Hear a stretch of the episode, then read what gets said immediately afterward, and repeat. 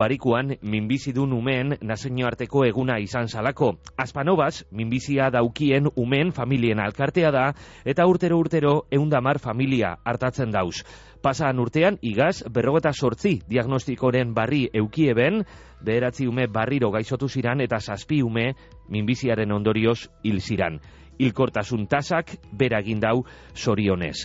Aspanova zen helburua familiei alik eta baliabiderik gehien emotea da eta gugaz alkarteko komunikazio arduraduna Maitane Rodríguez daukagu. Maitane egunon. Egunon. Aspanova zen azken urteetan zuk zeuk egindako lanari esker, e, familiakaz hainbeste denbora pasau eta gero, zer ikasi dozu? Jo, ba, azkenean, e, gure zerbitzuak dauz apurret bideratuta, e, e, gaixotasunaren fase guztietan zehar, familiaren ondoan egotea dara, ez?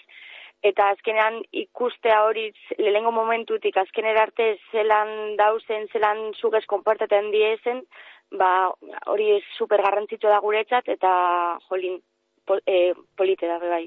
E, diagnostikotik bost urtera, gaizotasun hau da ben minbizia daukien umeen bizirautea euneko laro geikoa da.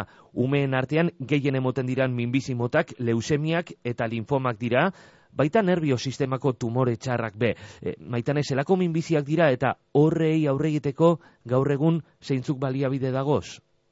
Ba, bai, e, azkenean oikonak izaten diez hori leusemia edo nervio sistemakoak, Eta gu aspano bazen, ba, esan dezakegu gure lana lau arlo diferentetan egiten dugu lez. E, arlo soziala eta psikologikoa, eta ospitaleko arreta, eta ospitalez kanpokoa. E, lehengo biek bai dauz bideratuta hori, e, lehen esan dodal moduan, tratamenduaren fase guztietan zehar familiaren ondoan egoteko, eta ba, hori, azkenean diagnostikoaren momentutik, ba, maiera arte ez eta ospitalezko, ar, oza, ospitaleko arreta eta ospitalez kanpokoa, ba, e, ospitalezko e, kanpokoak bai, dau bideratuta, ba, hori, e, sekuelak murrizteko edo prebentziorako bai. Uhum.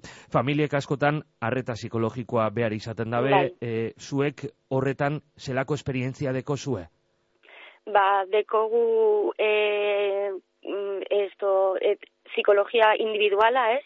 Azkenan familientzako edo umentzako, eta pasadan urtean jarri gendun martxa, e, oindala bi urte parkatu, dolu taldea eta nerabe taldea, ez? Apurbet ja e, nerabentzako espezializatuta eta ba, doluan dauzen gurasoentzako.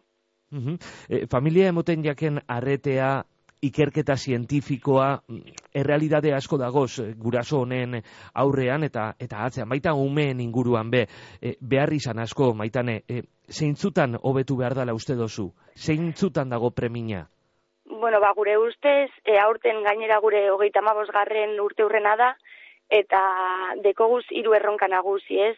Lehengoa da, ba, finantzaketa publikoaren bitartez, e, ikerketa bultzatzea. Bai, ikerketa proiektu dauzena, dauzenak e, jarraipena emoteko, edo ikerketa hildo berriak e, irekitzeko ez. Bestea da, pazientei laguntzea programa berrien, oza, ber, programa berriak aratuz ez adibidez, gaur egun tratamenduan dauzenei, e, ba, jarduera fizikoaren programa martxan jartzea. Edo bizibikatera direnentzako adibidez, jarraipen programa bat bultzatzea, ba, gaixotasunarekin edo tratamenduarekin erlazionatuta dauzen e, arazoak edo sekuelak murrizteko. Eta, bueno, azken lingua da, e, gurutzetako ospitalea, badakigu erreferentea dela onkologia pediatrikoan ez, baina kompromiso sendoa hartza e, ospitaleko espazioak e, hobetzeko ba, bai familientzako adibidez itaron gela hobetzea, edo, bueno, kasu honetan berri bat sortzea, eguneko ospitalea zabalagoa edo handiagoa itea, azkenean, ba, familie hainbeste denpora ematen duten ospitaleko espazio horrek, ba, gaur egungo beharretara egokitzea. Ba, Maitane Rodríguez, Aspanobaseko komunikazio arduraduna, e, sorionak egiten duzuen lanagaitik behar beharrezkoa dabelako honek familiek eta mila mila esker gurean gaur astelenez zuzenean egotearren. Eskerrik asko zuei. Bizkaia, Bizkaia, Bizkaia erratia. Bizkaia, Bizkaia